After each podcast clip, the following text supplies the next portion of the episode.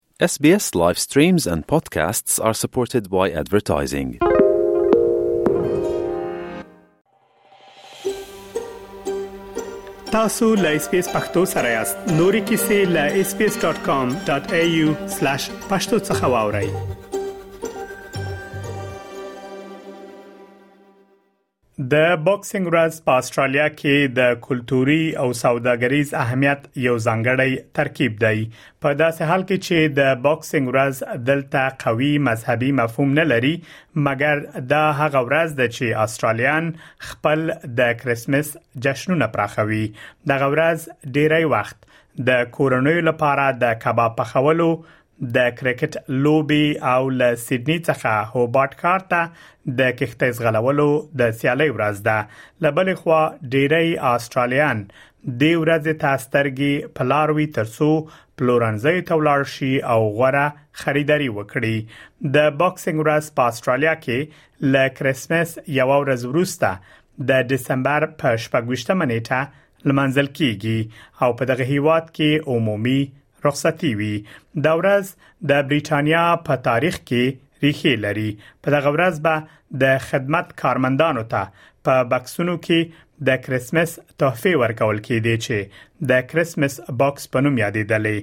د موناش په پوهنتون کې د مذهبي مطالعاتو د مرکز پروفیسور کانستنټ میوز وایي چې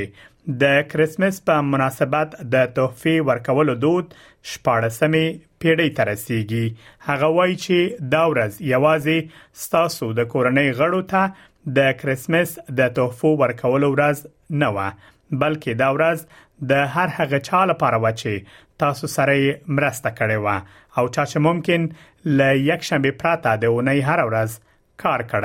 It was a gift of generosity often to servants and tradespeople that's how it sort of originated in the 16th and 17th centuries it wasn't just to members of your own family but to those who had helped you and who might be working absolutely every day of the week, except perhaps a little day off on Sundays. So it was really um, a way of cutting across the social divisions. That's how it started,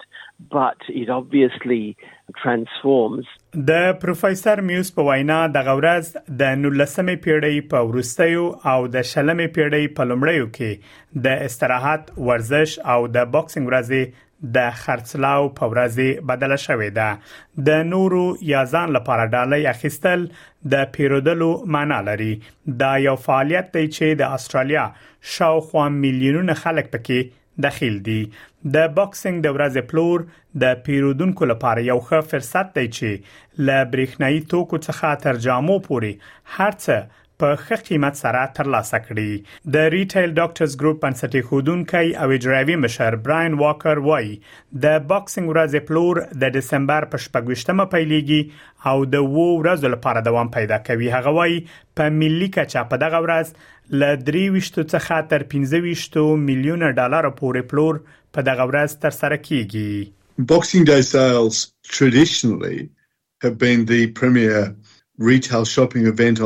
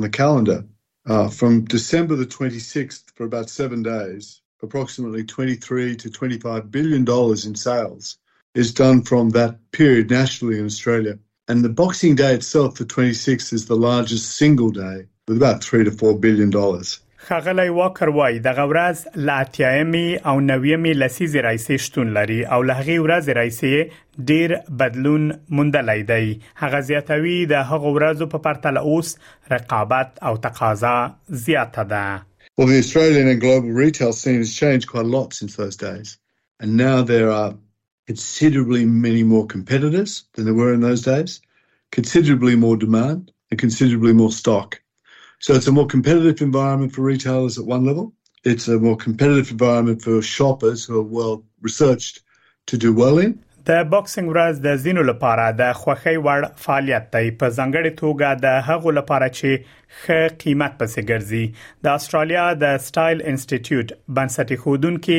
لورن دی بارتولو وای د باکسینګ ورځ د استرالیا لپاره د پلور مهمه وخت دی هغه وای د باکسینګ ورځ د فیشن له نظره د هغو شیانو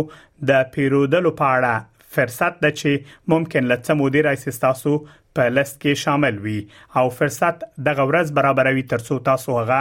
واخلئ نوموړی زیاتوي پلورونکي له کریسمس مخکې ډیر مال اخلي نو د باکسینګ ورځ بیا هغه ورځ ده چې دوی ځان له ټولو اضافي شیانو څخه خلاصوي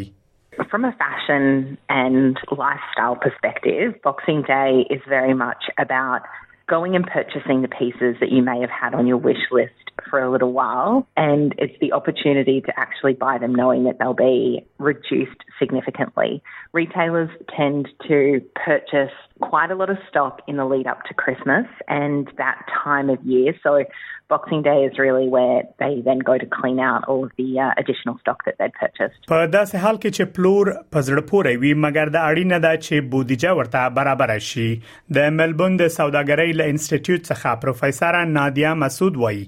لومړی تاسو باید د خپل عاید منبع لیست کړئ او بیا د لګښتونو لیست جوړ کړئ هغه وایي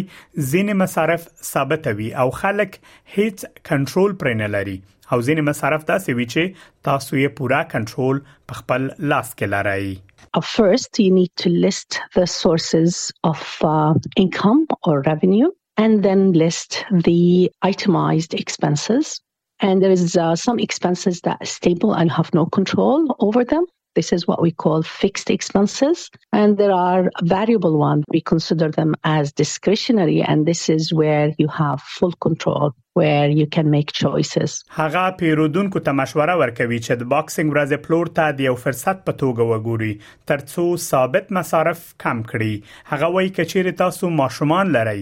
هغوی کالیو او بوټانو ته ضرورت لري نو ښه ده چې تاسو له مخکې پلان ولرئ. if you have children and they're growing in age and you must buy some shoes, clothes for them, then you plan ahead of time and buy those important items during the Boxing Day sales. The discretionary ones, this is where actually you have to be careful not to overspend and make sure that you are buying stuff